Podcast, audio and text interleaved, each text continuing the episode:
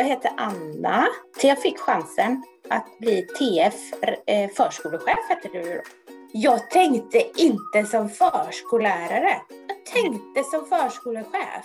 Ja. Alltså att få det där, för det kommer inte per automatik. Att, eh, jag gick från att vara en förskollärare som hade järnkoll och så komma i en kontext där jag, nej jag förstår inte frågan riktigt här.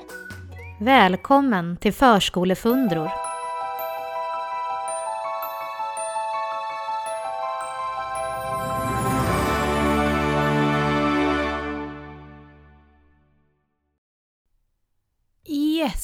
Äntligen så är det senaste avsnittet av Förskolefundror klart. Det har varit lite tekniska strul här med min dator eh, som har tjorvat, men nu äntligen har jag fått ihop det här avsnittet. Det här avsnittet eh, eh handlar om ledarskap, det här med att gå från förskollärare till rektor. Varför gör man det och när gör man det och vad händer egentligen med det när man gör det steget? Och då har jag kontaktat Anna, en bekant till mig som gjorde det här steget för några år sedan och som också har gått rektorsutbildningen. Och jag är lite nyfiken på hennes tankar om det här steget som hon tog och varför hon valde att ta det. Eh, och jag vill också säga att det här kommer att vara det sista avsnittet på ett tag framöver. För jag har den fina och häftiga förmånen att få gå på föräldraledighet i sommaren. Och jag tänkte unna mig att ta lite ledigt från sådana här projekt. Eh, men jag hoppas att vara tillbaka nästa höst med nya avsnitt och nya spännande personer att prata med. Eh, och eh, jag hoppas att de gamla avsnitten kan förgylla er tid fram till dess. Men eh, nog om framtiden. Låt oss eh, lyssna nu på vad Anna har att säga. Jag är jättenyfiken. Jag hoppas du också är det. Hallå där Anna! Hello! Hello! Hur är läget? Jo, det är bra. Men du, hur är det med dig? Kul att se dig. Det var jättelänge sedan ju. Ja, det är fruktansvärt länge sedan Erika. Ja. Och det händer så mycket i ditt liv. Det tycker jag är roligt. det händer mycket i ditt liv också. Nej, inte lika mycket. det är ett lite omvälvande år på många sätt. Sådär är det. Absolut. absolut. Mm. Det är härligt. Mm. Sen är det i och för sig tråkigt. Eh, eftersom jag är gravid så måste jag sitta hemma i isolering. Typ. Så jag jobbar ju hemifrån hela tiden. Så det är jag och min garderob här som jobbar tillsammans mesta delen av tiden. Så jag kör all min handling mm. Och så lär det väl bli hela våren tänker jag tills det är dags för den här lilla tösen. Mm. Och jag sitter ju också hemma och jobbar hela ja. tiden nu. Eh, jag försöker att vara ute och träffa mina förskolor på förskolegårdarna på förmiddagen eh, någon dag i veckan. Eh, men de vill ju heller inte att jag går från förskola till förskola. Mm. Eh, Ni har fått direktiv uppifrån, det har mina chefer fått, att de ska vara ute så lite som möjligt ute på förskolan. Ja, Ja. Eh, och eftersom jag har mitt kontor på en grundskola, eh, vår största efter femskola, så känner jag att det är dumt att beblanda mig där också, när jag inte egentligen behöver vara där. Eh, och sen en man som jobbar hemma och en högstadieelev som pluggar hemma. Ja. Och ja, nätverket åker lite hit och dit på dagarna. Ja, det förstår. Jag har kört wifi hela tiden, men nu när jag har så mycket möten så måste jag köra via sladd, för mitt wifi orkar inte. Och Nej. grannen hemma, då, då, då är det skitdåligt. Fast han sitter på andra sidan, långt bort där, så tappar nätet sin, sin form. Ja. Nej, men vadå, ändå, jag tänker så här, det kommer bli bättre. Eh, sen tycker jag ju att förskolan har varit helt fantastisk på mm. att ta sig igenom den här pandemin. Mm. Eh, snacka om att vara stolt över sin, sin förskola och sitt yrke och mm. sin profession. Och de har verkligen vänt och vridit på allt som går eh, för att göra det så tryggt och bra för barnen som vanligt. Att barnen ska få en fristad här. Eh, vi har många familjer som har det tufft. Mm eh, under pandemin. Eh, att förskolan ska vara fortfarande en, en källa för glädje eh, och där utbildningen liksom ligger högt. Eh, relationerna och omtanken ska finnas där. Mm. Jag är så himla stolt över att det är väldigt sällan jag har fått höra på våra reflektioner om att nej, vi var kort om personal så vi har inte kunnat göra det vi tänkte. Eh, utan man går väldigt snabbt, eh, om man någonsin nämner det så går man väldigt snabbt över till att ja, men vi är här och här i projektet. Eh, och det är också, mm. tänker att det, apropå de här stolarna, det tyder på en väldigt professionell stol som våra pedagoger sitter på, att kunna släppa det här fokuset. Det kan mm. inte de göra. Så jag tänker den här respekten för våra pedagoger där ute som ja, men någonstans verkligen antar den här professionella stolen i en väldigt tuff situation någonstans. Verkligen. Eh, och de gör ett fantastiskt arbete. Jag ser att jag har dåligt nät. Ja, det känns lite som att det är lite fördröjt. Jag undrar om jag ska eh, byta nätverk. Ja, byt nätverk. För det är lite fördröjning mm. när vi pratar. mm. Ja, ett ögonblick. Ja, Kolla, blev det bättre? Ja, vi ska se. Nu har du vita staplar, förut var det röda staplar. Gud, nu är det gula. Ah. Ja. Aha. Nu är det, nu är det vita igen. det kanske är när du pratar. Ja, jag får helt enkelt inte prata då, för då kanske jag tar för mycket nät. Nej, men nu funkar det bättre. Nu är det ingen fördröjning. Nej, det var bra. Då kör vi. För det är lite så här, man sitter så här. Eh, ja. ja, precis. Usch vad hemskt. Ja. Ja du blev lite stel. Nej, och... Ja, förlåt. Ja. ja, precis. Vi märker hur mycket det påverkar vår verksamhet att vi inte kan mötas. Man tappar de gemensamma mm. processerna lite grann. Även om man försöker hålla i dem. Så. Visst är det så. Mm. Det funkar ju att ge information, tycker ja. jag, mycket bättre. Alltså alla, vi kör ju Teams i Kungsbacka. Eh, mm. funkar ju väldigt bra att ha information ut. Men att komma i ett processande, ja. det är jättesvårt. Eh. Det är också när jag handleder, att man kan liksom inte, man, när man handleder så handlar det så mycket om eh, fingertoppskänsla. Hur tas det här emot? Hur landar det? Vad blev känslan i rummet? Så att det, ja, jag håller med, det är svårt att fånga upp. Och särskilt om man också implementerar nya saker så kan man få tillbaka kanske tre månader senare att det föll inte så bra. Och det hade man kunnat fånga upp om man hade stått där live och pratat med dem, tänker jag också. Precis. Uh. Det är väldigt smidigt. Jag menar nu, jag åker ju runt, jag har ju, brukar ha tre till fyra avdelningar som jag möter varje fredag. Och förut så hetsade mm. jag ju runt i bil och kom med andan i halsen hela tiden när jag skulle åka runt. Och här är bara, nu måste jag gå för jag ska möta den här avdelningen. Så tjingeling liksom. Så det är väldigt smidigt på det sättet, tänker jag. Det finns ju ja. bra saker också. Visst är det så. Och jag tänker att man blir väl bättre på det hela tiden.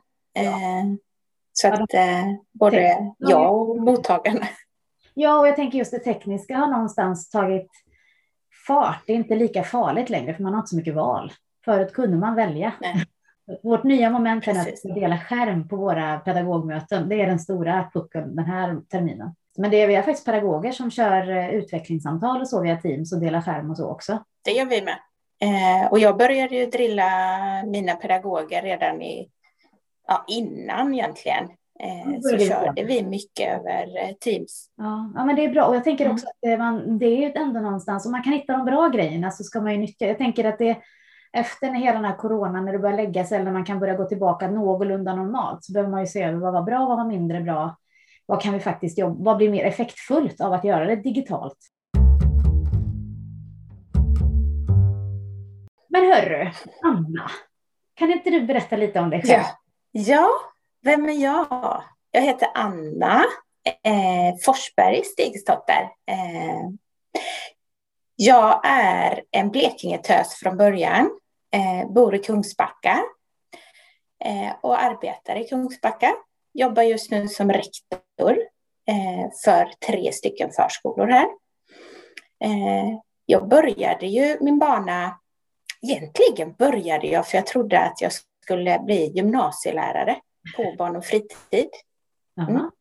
Eh, när jag kom ut på min första VFU, då var jag ett år äldre än treorna där. Eh, och kände att jag vet inte riktigt om jag har så mycket att ge de här människorna.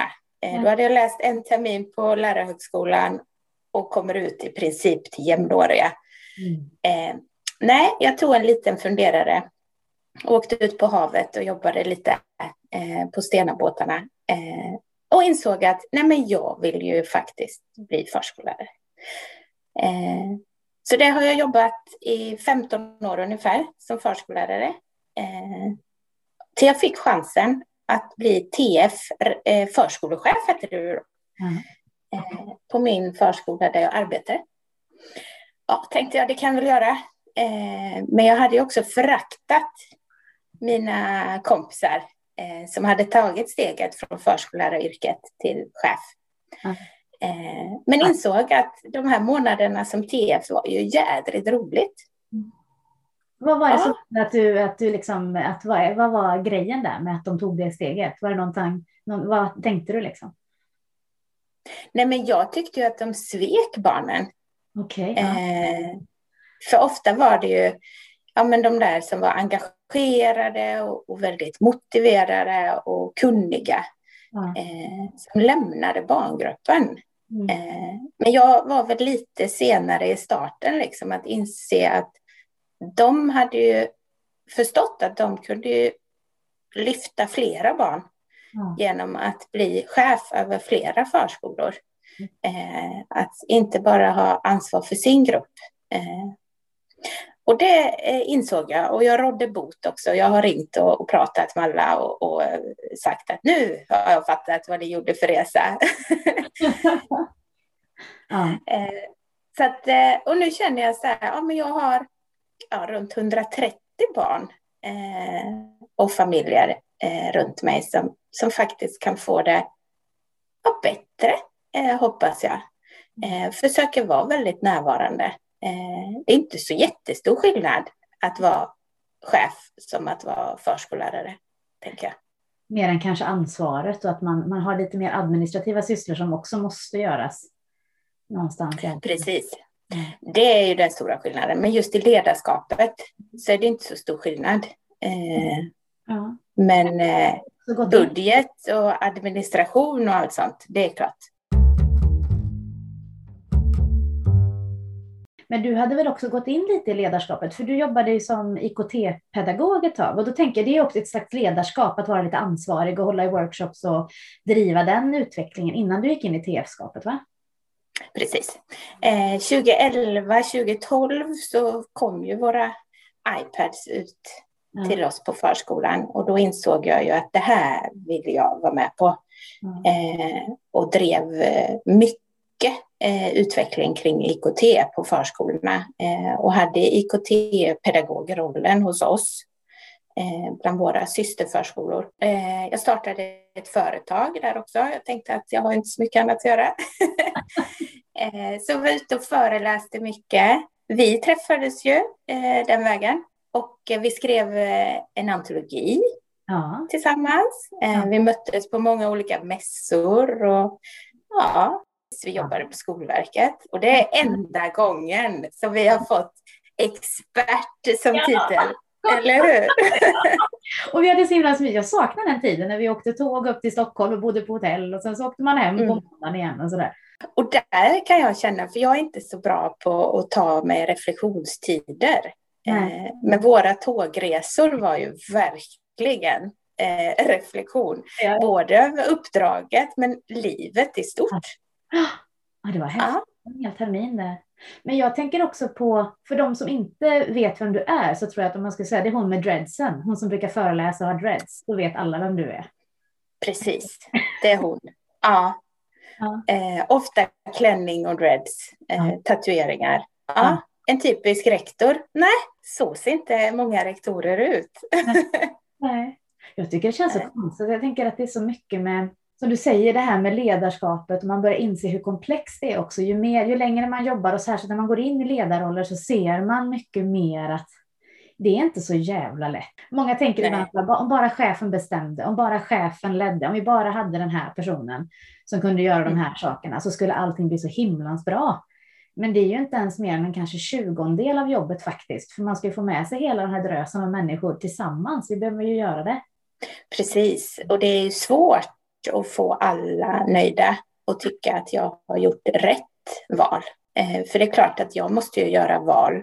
Eh, jag kan se mig ibland som en grindvakt också, att jag, jag stoppar ju vissa saker eh, som kommer till förskolorna för att vi kan inte hålla på med allt. Vi måste fokusera, för annars blir det bara på ytan. Och det är klart att då kan någon tycka att jag har stoppat fel saker, fokusera på fel saker. Eh, om bara Anna hade förstått så hade vi kunnat göra det mycket bättre.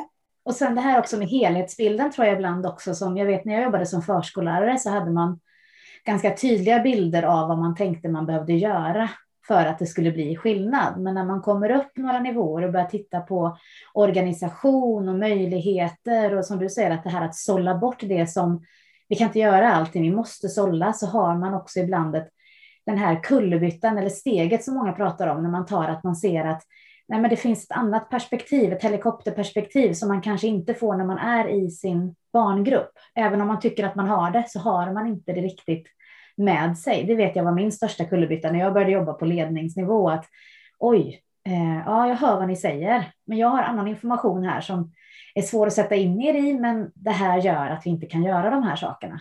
Precis. Eh, och sen är det ju också, vi har ju hela spannet med nivåer. Eh, hur mycket kapacitet varje grupp har. Mm. och det perspektivet måste jag ju också ta akt på. Eh, alla ska med.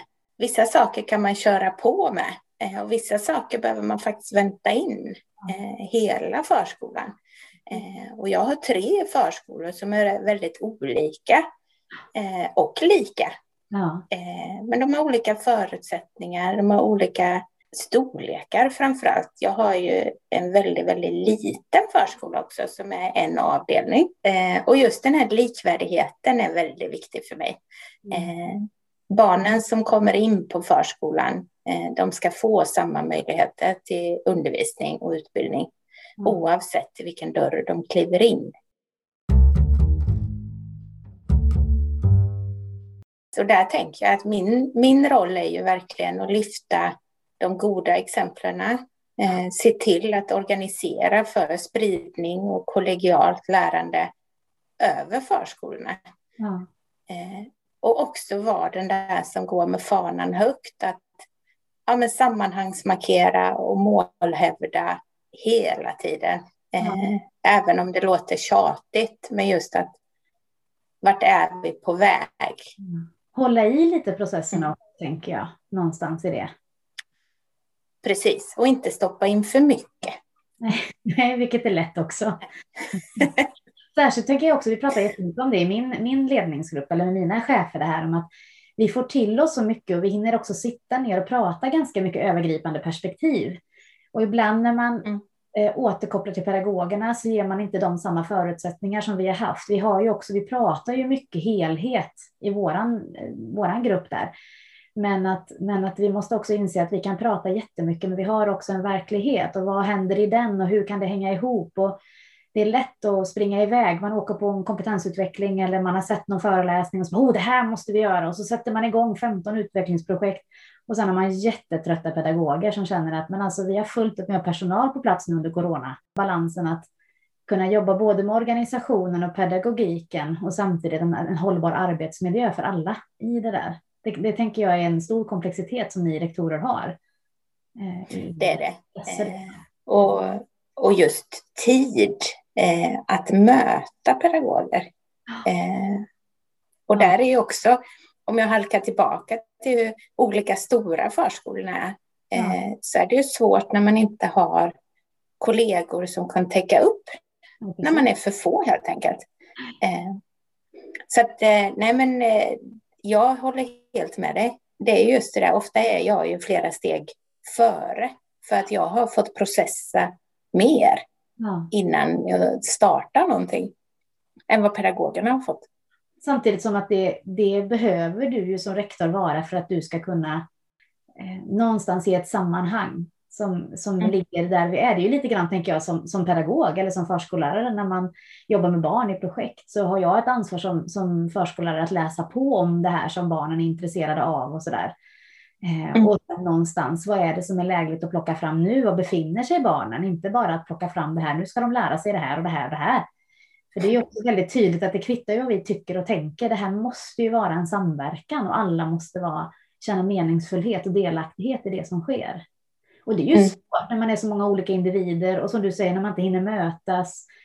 För, för att bygga sammanhang krävs ju att man möts och att man tittar på mm. sin praktik och allt det här. Och det är ju inte, förskolan är inte känd för att ha en, en, eh, en praktik där vi har mycket tid med för kollegialt sammanhang liksom, på det sättet. Nej, precis. Mm. Eh, och därför tycker jag det är viktigt att mina förskolor får mötas tillsammans. För det är lättare att gå ifrån två kanske, från en förskola. Men att man får ändå möta flera andra kollegor. Eh, och man riskerar inte på samma sätt att bli hemmablind. Nej. Eh, man, man får de där ja, frågorna som kanske inte de närmsta kollegorna ställer. Men möts ni över era förskolor? Så? Det låter som att ni har ett nätverk över alla tre förskolorna som du har, eller? Mm. Mm. Jajamän. Eh, och där jobbar jag ju tillsammans med mina två närmsta kollegor. Eh, så vi är sju förskolor mm. som jobbar tätt tillsammans. Eh, och det är också att hålla i och hålla ut, för det ger ju effekt över tid. Eh, för det är klart att man behöver få känna att man blir trygg i en grupp också. Ja, absolut. Eh, för att våga se lite kritiskt på sin egen ja. verksamhet. Mm. Vi pratar mycket om det nu. Vi har, vi har ju möten, pedagogmöten varje måndag där vi sitter och vi har börjat prata om det här med hjälpsamhetsbegreppet där någonstans. Att ibland handlar det inte om att bemöta någon annan som jag själv vill bli bemött, utan jag vill, behöver bemöta någon utifrån den hjälp som den här personen skulle behöva. Eh, mm. För vi är ju väldigt olika där hur vi kan ta de här utmanande frågorna eller inte. Några tycker det är jätteskönt och tycker det är görkul att få de där utmanande frågorna och få tänka. Och några tycker att det är lite läskigt för att man kanske känner att nej men jag, ja, jag vet inte varför det blev eller så där. Så att man måste tänka hjälpsamhet, att de här frågorna och alla de här mötena som vi har är för att hjälpa varandra att bli bättre, att hjälpa varandra att lyckas, säger vi i Gråbo. Precis, och där eh, vi har brottats mycket med just begreppet hjälpa. Mm. Eh, hjälpa eller stödja. Eh, vad, vad, är, vad är signalvärdet? Just ja. hjälp kan vara ja, men lite negativt hos vissa. Ja. Eh, kan känna att nej, men då är jag den svaga personen här mm. som inte kan, jag är mindre värd. Eh, att stödja eh, kan kännas mer positivt. Eh, jag växer fortfarande, om vi tänker den lilla, lilla plantan. Eh, den växer och har kraft, men den kan behöva en, en liten pinne och haka i sig i för att få stöd. Ja, men det tror jag också att det beror på vem man möter. För absolut stödja, men för min del, när jag hör stödja, alltså man kan ju tolka begrepp så olika också, det är ju det som är så intressant. Men för mig blir ju mm. stödja också att man utmanar lite mer. Och där tänker jag att vi har, mm. vi har, eftersom du pratar om nivåer, eller om man inte ska säga nivåer, inte så hierarkiskt, men vi är på, i olika skeden i livet och i vårt lärande. Att ibland behöver man hjälpen, utan att säga att det är något dåligt liksom. Ehm, mm. Och bara att någon som klappar en lite på axeln och säger, vet du vad, prova igen. Det här var, du vet, bara nästa gång, testa igen. Medan stödja kan ju också bli så här, ja men absolut, men varför gjorde du så? Eller vad tänkte du när du sa så? Och då kan ju det, tänker det att hitta balansen i vad varje person behöver sen, oavsett vilket begrepp man använder, men hitta den här människan man möter framför sig. Vad skulle ge den här personen redskap för att ta nästa steg i sitt eget lärande någonstans? Eh, och vi jobbar ju väldigt mycket med relationell pedagogik i barngruppen.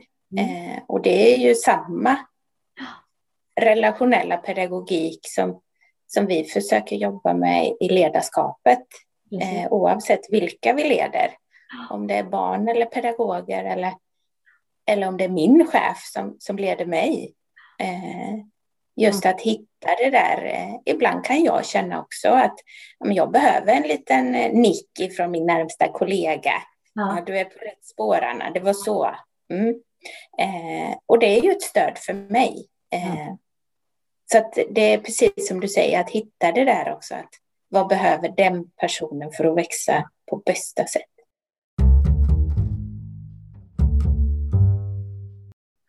Det tycker jag också beror på ett sammanhang man själv kommer ifrån också. Eh, nu har jag jobbat i Gråbo i snart fyra år, blir det ju här liksom. Och jag vet när jag kom ut till Gråbo så tror jag att jag hade mitt eget sammanhang. Jag tänker det gör man ju i alla sammanhang. Man går ju in i ett nytt sammanhang med ett väldigt tydligt och klart sammanhang som man kommer ifrån. Eh, det bär man ju med sig i starten någonstans in och har det som ett ideal eller en tanke om vart man vill eller ska och så. När man egentligen borde sätta sig lite grann tillbaka och bara säga vad har jag kommit in i för sammanhang? Men jag vet, mm. när jag började i Gråbo, jag tror att många tyckte nog att jag var lite jobbig, för jag var så van vid att jag kom från ett sammanhang där det var så här hög, högt i tak. Och när vi pratar om högt i tak, då var det många som gillade att bli utmanade. Det var stora och heta diskussioner. Vi hade ett klimat på den arbetsplatsen eh, som, när jag jobbade som förskollärare, där det var okej okay att ha det. Eh, mm. Men att applicera en kultur på en annan kultur fungerar inte. Det handlar inte om att inte de här pedagogerna som jag mötte ville bli utmanade, Eh, utan snarare att man var ovan vid det sättet som jag utmanade, för jag utgick ifrån ett annat sammanhang. Inte anpassat mig är fel ord, men jag har ju lärt känna det sammanhang som jag är i nu. Jag tänker mm. att du som rektor möter ju också olika pedagoger hela tiden, att vi kan inte bemöta alla på samma sätt, liksom när vi möter de här kring reflektioner. Och det är ett ganska personligt yrke, även om vi säger att jag var också sån vet jag, när jag började jobba som, som förskollärare. Där, men det här är banne med professionen. Liksom. Vi ska kunna vara mm. professionella. Mm. Det handlar inte om de privata eller personliga frågorna här. Men vi är ju människor som går in. Vi är ju ändå ett redskap in i de här lärarrollerna. Oavsett om vi är medvetna om det eller inte så är vi ju människor. Och vi har ju påverkats av det vi har med oss i ryggsäcken. Vad vi har mött för kritik eller för för styrkor under våran utbildning så där, och allt under livet. Så, så jag tänker man, man får inte glömma bort att vi jobbar ändå, vi är människor som är på samma arbetsplats allihopa. Och just det där att man är sitt eget verktyg. Ja. Eh, det, det, det, måste ju till. Eh, vi pratar ju mycket om det här med privata, personliga och professionella. Eh, och det är klart, för att vara i det professionella och kunna ta, ta fram alla mina verktyg som jag besitter så måste jag ju också vara stadig både i det personliga och privata för att, för att ha kraften. Ibland kan det ju låta som att det är tre olika personer som är ute och traskar i samma kropp. Men de hänger ju ihop och man måste hitta balansen också. Ja. Eh, så att eh, ja, det är ju väldigt mycket relationer. Eh, ja. Och hitta kärnan hos var och en. Har du gått klart din mm. rektorsutbildning nu förresten? För du har ju gått den ett tag. Du är färdig eller? Jajamän. Ja, grattis. Så nu är jag rektor på riktigt. Ja. Hur mycket pratar man om det på rektorsutbildningen och så? För jag tänker många, man sätter ju igång ganska tidigt oftast när man blir rektor med att komma in på den rektorsutbildningen. Och det är ju en svårighet för er att dels lära känna ett nytt yrke, en ny yrkesroll och samtidigt läsa och så praktiserade. Fick ni med er det här med relationer? Vad pratar man om på rektorsutbildningen utifrån de aspekterna? Alltså. Ja, jag tycker ju att vi fick eh, eh, mycket ledarskap, men det var ju främst egentligen år tre. Jag har ju tyckt att eh, rektorsutbildningen har ju varit väldigt hjälpsam för att förstå mitt uppdrag. Mm. Eh, även om man har kanske suckat några helger när man har suttit med boktraven och känt att oh my god, ja. hur tänker de? Eh, men tittar jag bakåt nu under de här tre åren så vet i katten om jag hade agerat fullt ut så som jag faktiskt har gjort utan att ha fått gå rektorsutbildningen. Eh, för den hänger ju verkligen ihop med vår praktik. Ja. Hade du, hade du, eh. det är många som sådär, hade du önskat att gå den innan eller tycker du att just det här upplägget är ganska bra, att man går den samtidigt som man erövrar rektorskapet där i de första åren där? Eh, jag hade inte kunnat gå den innan, för jag hade inte förstått eh, kontexten. Vi dundrade in i juridiken år ja. ett. och det är ju otroligt hjälpsamt att ha den i mm. grunden. Ja. Eh, för det är klart att vi, vi är en, en, en myndighet som, som myndighetsutövar. Eh, och då kan jag inte gå på magkänsla. Eh, även om man vill det. Men jag måste ha en laglig grund att stå på. Och du är ju ytterst ansvarig som rektor också, så det är viktigt att veta vad jag är ansvarig för. Precis. Eh, så det var ju otroligt mäktigt år tycker jag. Eh, så att ja, det, den, eh, jag hade inte förstått det om jag inte hade haft uppdraget, Nej. tror jag. Jag tror inte jag hade kunnat relatera till samma sätt. Eh, och också känna att det är användbart direkt. Eh, jag förstår vad det är som är mitt ansvar. Jag förstår vad jag ska liksom vila i, även om man inte kan man lär ju sig inte lagböckerna utan till, men jag förstår ju liksom sammanhanget och hur ska jag slå i lagböckerna? Eh, var ska jag hitta grunden? Sen är det ju också häftigt under rektorsutbildningen att få hela det här nätverket runt omkring. Jag hade då förmånen att få börja innan corona. År ett och två så fick jag faktiskt lov att träffa personerna fysiskt. Mm. Eh, och det är också häftigt att få, jag då som är i en eh, stor kommun som har liksom en, en huvudman som har, jag har mycket stödfunktioner mm. eh, som finns, som hjälper mig.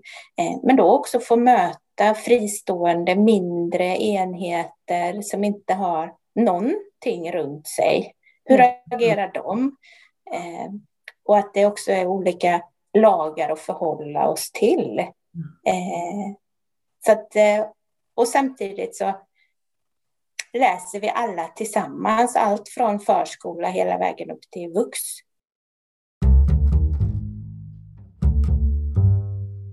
Och sen tänker jag också en sak, jag har ju lite bekanta som, som läser eh, förskollärarutbildningen och lite sådana där saker just nu eh, som jag har pratat lite med och sådär. Och jag, jag, jag har blivit lite skeptisk till distansstudier.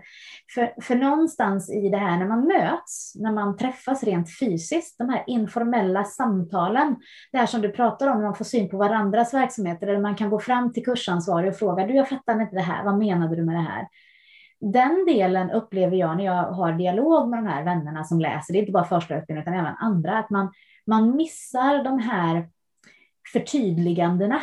Eh, dels av kursansvarig eller, eller av de som läser också, att man missar att få de här, vad ska man säga, guldkornen någonstans som hjälper en att faktiskt utvecklas mer än bara i sig själv. Eh, mm. Tänker jag. Eh, så jag har börjat bli lite så skeptisk till distansstudier som bygger mycket på det här relationella någonstans.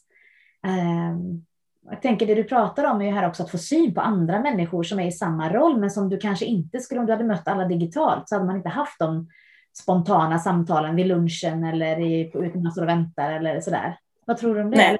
Hänger du med på vad jag menar? Jag, ja, jag är helt med dig. Eh, jag är jätteglad att jag fick chans att faktiskt skapa relationer under två år. Mm. För det är ju människor som jag fortfarande har kontakt med, mm. även om vi inte jobbar i samma kommun. Mm.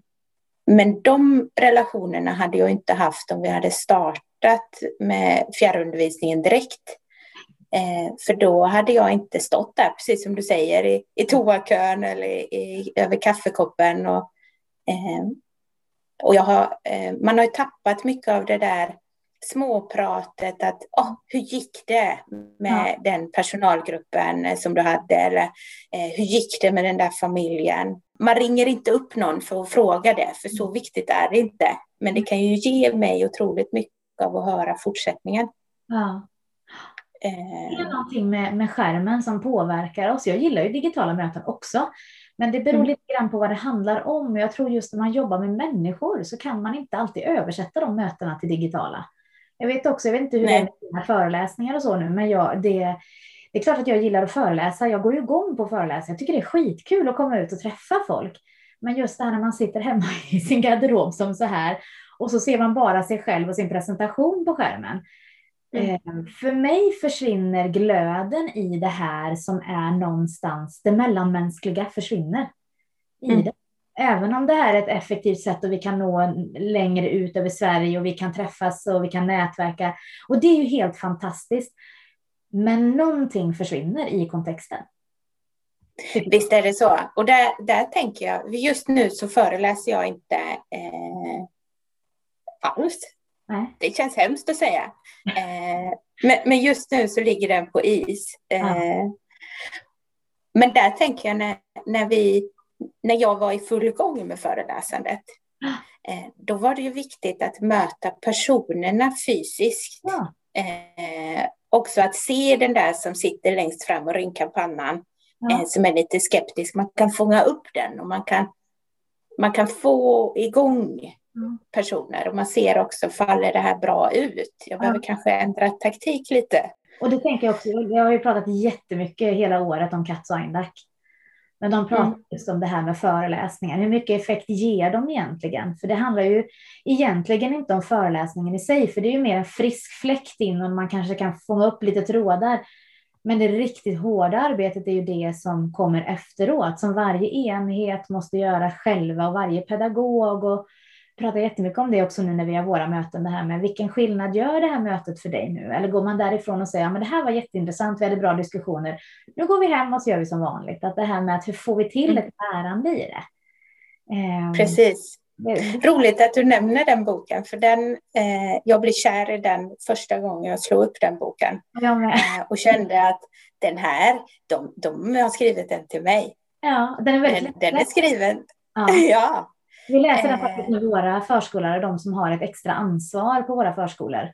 Vi mm. läser den parallellt för att vi behöver ju också förstå det här med lärandet, hur svårt det kan vara och att verkligen göra en problemanalys och verkligen hitta det här gemensamma lärandet. Det kan ju inte bara vi som, som ska leda det här arbetet läsa, utan vi måste ju alla förstå. Alla våra pedagoger har också fått en miniföreläsning om den här boken för att vi ska mm. förstå varför man kan hamna i motstånd, varför lärande är så svårt, fastän vi tycker att vi lär hela tiden. Mm. Den är bra. Den är riktigt bra. Eh, och just också, eh, den är skriven med eh, ja, med lite glimten i ögat tycker jag. I början, första kapitlen någonstans så står det så här, det här tänker du, det gäller inte dig. Ja, just det. Och det blir så här bara, mm, ja. shit, de, de ser mig. och vi, har, vi har ju läst Ann Åbergs bok nu, Lyssnandets pedagogik. Det här är typ vad är det, mm. tredje mm. gången jag läser den eller något sånt där. Och eh, jag brottas jättemycket med, för en av de här exemplen som de har i den här boken är att man ska stryka under sånt som, ofta stryker man under det man håller med om, det som stärker min egen tes, så ska man stryka under det som inte stärker min tes. Mm. Så jag har verkligen jobbat nu med att skriva frågor om allting. Håller jag med om det här eller sitter jag och tycker det för att jag tycker att det är så bra? Men vad är det, varför är det, kan det verkligen vara så det här med att våga ställa sig på andra sidan någonstans? Eh, och det är mm. jätteutmanande när man sitter. Det är ju som när man läser den här boken, man sitter ju ja, ja, ja och sen så går man tillbaka och gör den här aktivitetspedagogiken, stoppar in de där föreläsningarna, de där mötena och alltihopa. Men hur blir det skillnad då egentligen? Och hur ska vi mm. utreda så att det här faktiskt gör skillnad för våra barn? Precis. Inte bara för oss, utan att det faktiskt genererar någonting mer till barnen också. För det här är ju de vuxnas lärande särskilt vi pratar om här.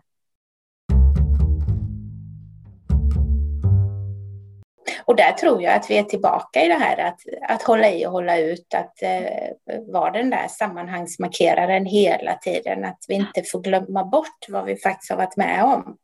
Och att det var en grund till detta som vi gör nu. Ja, men jag, för, för mig är backspegeln väldigt viktig ja. eh, i alla kontexter. Ja, och du kan ha backspegeln för du har egentligen tänker det här som vi började i, i början av samtalet, det här någonstans med att du har det i din roll att se sammanhanget, ha det övergripande perspektivet. Eh, mm. Men som pedagog så kanske man inte riktigt har tid till det. Man har fullt upp att titta på vad var det utanför fönstret nu? det här med att ha ödmjukhet för att, att, att det, blir, det är liksom en viktig del av, av ledarskapet eller rektorskapet att synliggöra, absolut. Vi tänker så här, kommer mm. ni ihåg för två år sedan, då pratade vi om de här frågorna inse att ja, men jag har ju mycket mer tid att sitta och tänka på det här. Det är ju mitt uppdrag att skapa den här sammanhangsmarkeringen och, och få allting att hänga ihop. Faktiskt. Nej, och därför tror jag att det är så viktigt att synliggöra det. Mm, eh, hela tiden. Även om man kan tycka att man är tjatig om man tar fram den där tidsaxeln igen. Ja. Eh, men, men det är väldigt viktigt och det kan ju jag känna. Jag har ju lärt mig väldigt mycket av min chef ja. eh, och ser hur hon leder oss. Eh, och det är klart, jag kan ju vara i samma sak, att oh my god, hängde det här ihop? Ja, nu blev det synligt. Nu ja. fattar jag. Eh, så att man är ju inte mer än människa själv heller. Jag tror det är jätteviktigt. Och jag tror också mm. att man, det är ju återigen, vi människor söker ju sammanhang. Jag tänker någonstans är det grundläggande för att förstå meningsfullhet och min roll in i någonting. Om jag ska, mm. jag ska förstå att jag har en roll, en vikt, att jag är en viktig person in i någonting, så måste jag förstå vad det är jag är viktig person i för någonting också. Mm, verkligen. Eh, och sen så är ju tilliten ligger ju mig varmt om hjärtat också. Alltså ja. att, att vara i den här förståelsen också, att jag vet faktiskt hur mina pedagoger har det i vardagen. Eh, och jag har full tillit till att de tar kloka beslut. Ja. Eh, jag har full tillit till att de prioriterar. Eh, att jag kan inte heller sitta på min kammare och tänka att mm. ja, fast nu skrev jag att alla ska hoppa på ett ben och så ja. gjorde de inte det. För rektorskapet är absolut att man är pedagogisk ledare och ansvarig. Men du är inte utföraren, utan det ligger ju särskilt ut, undervisningsansvar ligger ju faktiskt på förskollärarna att forma en praktik utifrån det här ledarskapet mm. någonstans. Jag också tänker att den här kullerbyttan man gör när man går från förskollärare till rektor, till exempel, att det är inte jag som ska göra de här sakerna, även om jag kan tycka att man ska göra så här och så här och så här, utan här är mm. det tilliten och ansvaret till de här förskollärarna eller de här pedagogerna, att de har, gör kloka beslut. Mm. Och där kommer jag ihåg just den här känslan. Eh, jag hade jobbat lite mer än en termin mm. När jag kom upp till mitt kontor. Eh, för jag har ju förmånen då faktiskt få jobba i ett arbetslag. Vi är ju tre rektorer som jobbar tillsammans. Ja. Eh, och var så här, jag tänkte inte som förskollärare. Jag tänkte som förskolechef. Ja. Alltså att få det där, för det kommer inte per automatik. Att, eh, för förskolläraren, eh, jag gick från att vara en förskollärare som hade järnkoll. Mm. Jag hade full kontroll på vad vi höll på med, vart vi var på väg. Jag kunde svara blixtsnabbt. Mm på eh, alla frågor, alltså både från kollegor, från eh, myndighet som kom och skulle kontrollera någonting, eh, skolinspektion eller vad det var, mm. vårdnadshavare. Och så komma i en kontext där jag, nej jag förstår inte frågan riktigt här. Nej. Va? Ja, nu vet jag inte. Jag vet ingenting. Jag nej. är liksom en riktig noob här. Ja. Eh, hjälp mig. Eh, och när jag insåg att shit, nu kom min första riktiga chefstanke som var i ett helikopterperspektiv på riktigt. Och jag ja, men hade lyft mig på något sätt från den lilla barngruppen till det stora sammanhanget. Mm. Eh, och det, ja, det är häftigt. Det, det, det, är häftigt. Samtidigt så är min stora skräck att jag ska glömma bort hur det är att jobba ja. som förskollärare på riktigt.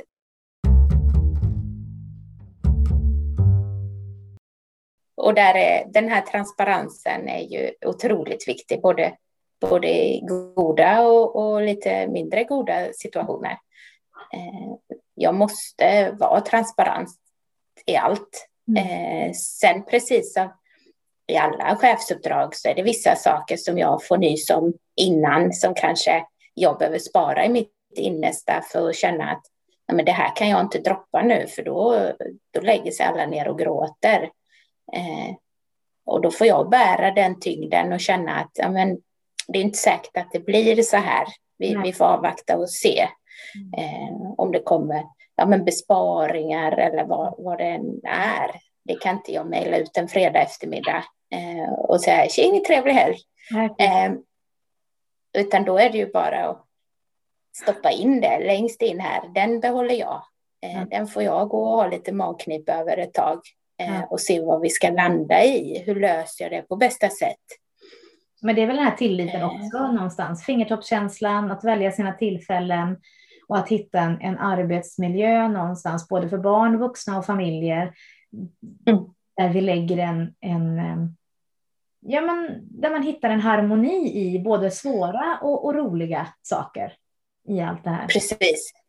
Ja, verkligen. Eh, och där är det ju Eh, nej men jag, jag, känner att det är en otrolig förmån eh, att faktiskt ha fått ha mitt gäng under så många år nu.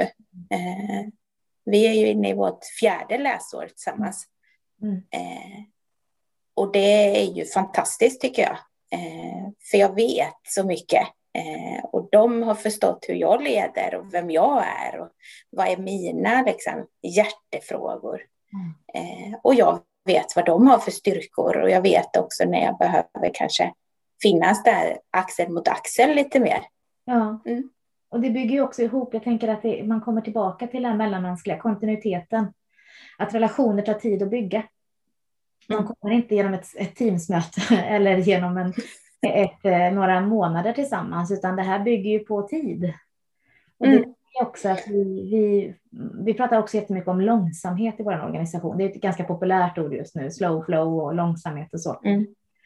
Men det blir så tydligt, jag ser också det är att nu när pedagogerna har börjat mantra det mycket mer, även i projektarbeten, så blir det också, de har upplever att vi som organisation har större tillåtelse att saker får ta tid. Det betyder inte att de är sämre för att det tar längre tid. Tvärtom så kanske de blir bättre på grund av det. Eh, och i det så blir det mer hållbart faktiskt. Den här sociala hållbarheten, tänker jag, någonstans. Mm. För alla. Verkligen. Mm. Eh, och där måste, måste ju den där grindvakten finnas. Ja. Eh, så att det får lov att ta tid. Ja. Grindvakter behövs och det är ju som sagt det är väl inte alltid det är roligt att varken att vara grindvakt eller få en grindvakt som säger hörru du den där får lampan in Nej. Det är inte alltid, alltid roligt att vara grindvakten heller kan jag tänka mig. Nej, det är det ju inte. Och ibland så kanske man har varit stängt fel grind. Ja. Eh, så kan det ju vara. Eh, men det som är piffigt med grindar är att man kan faktiskt öppna dem lite grann. Precis, och där tror jag också, för mig är det väldigt viktigt att vara prestigelös. Eh, ja. Det låter ju eh, väldigt pompöst nästan att säga att man är det, men jag kan ju komma med tankar och idéer och, och sen möter jag ju pedagoger som är väldigt mycket klokare. Eh, och det är bara att tacka och ta emot att ja, givetvis så ska vi göra så som ni säger. Ja, eh, jag var ju helt ute och cyklade, jag var kanske på fel stig här. Eh, och, och, för mig är det så otroligt viktigt och jag tror att det känns för mm. mina pedagoger också att man kan säga emot, man kan argumentera. Mm. Det blir liksom inte, för någonstans klart, jag är alltid lönesättande chef. Eh, men att för mig är det väldigt viktigt att någon också vågar säga emot mm. när jag är ute på fel spår.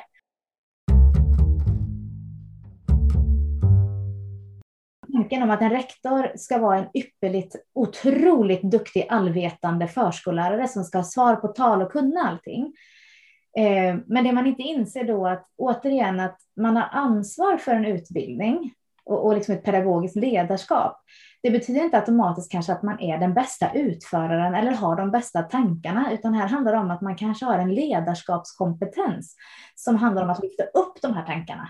Och där tror jag ibland att, att eh, det, den här hierarki och nivåtanken någonstans bråkar med oss. Jag tror den här prestigelösheten som, som chef är otroligt viktig att säga att jag har inte svaren, utan jag är anställd här för att leda det här arbetet och ha en tanke framåt. Det är inte jag som ska mm. göra det här.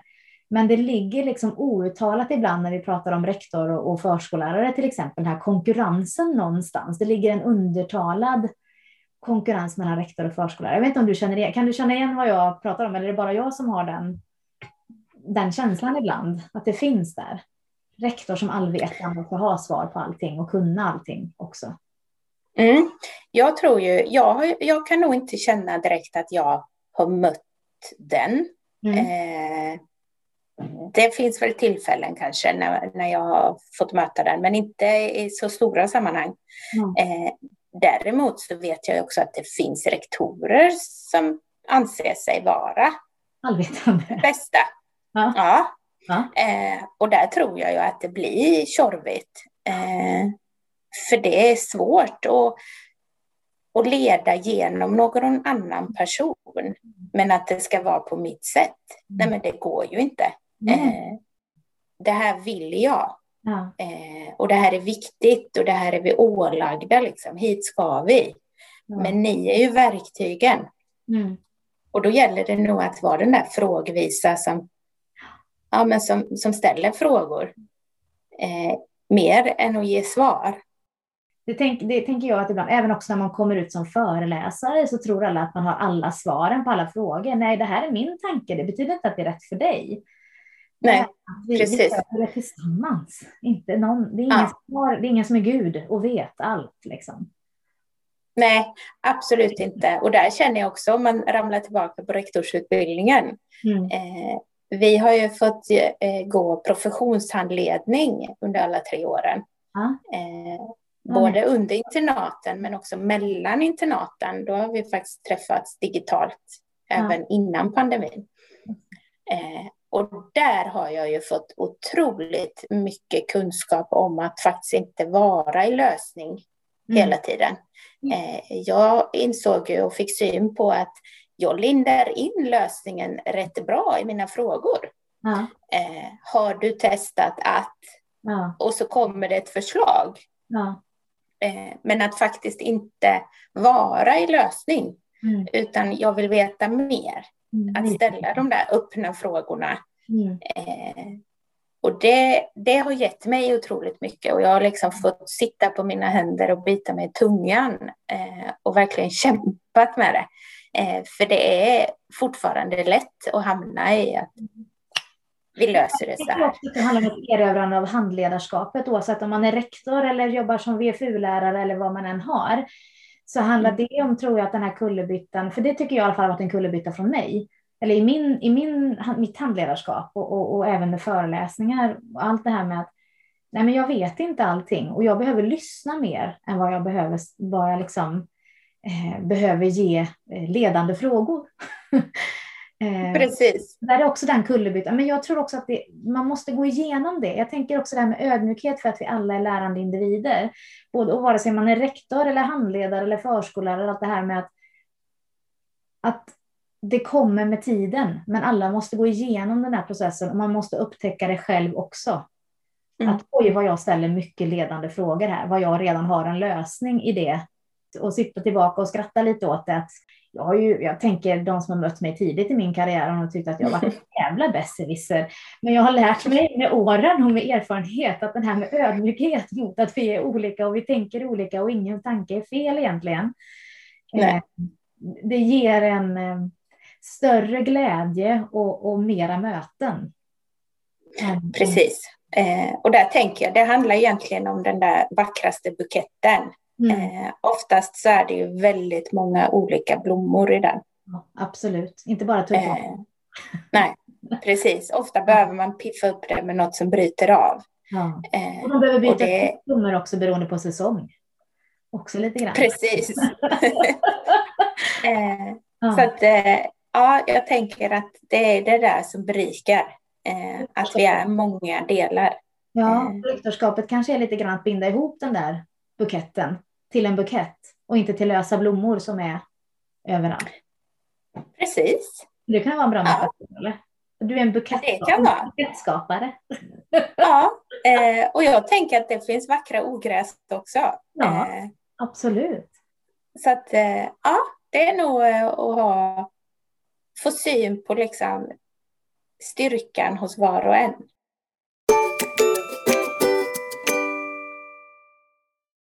Tack så mycket Anna, det var otroligt spännande eh, att lyssna på dina tankar och, och, diskussionen och dialogen kring det här med ledarskapet som ibland kan te sig svaret på allting men som faktiskt handlar ganska mycket om fingertoppskänsla, erfarenhet och träning eh, och ett starkt lyssnande på dem man möter. Så tack återigen Anna för att du ville vara med i podden. Eh, och till dig som har lyssnat idag, tack så jättemycket för att du tog dig tid. På återseende. Ha det så gott. Hej då! Du har lyssnat till Förskolefundror med Erika Kyrkseger.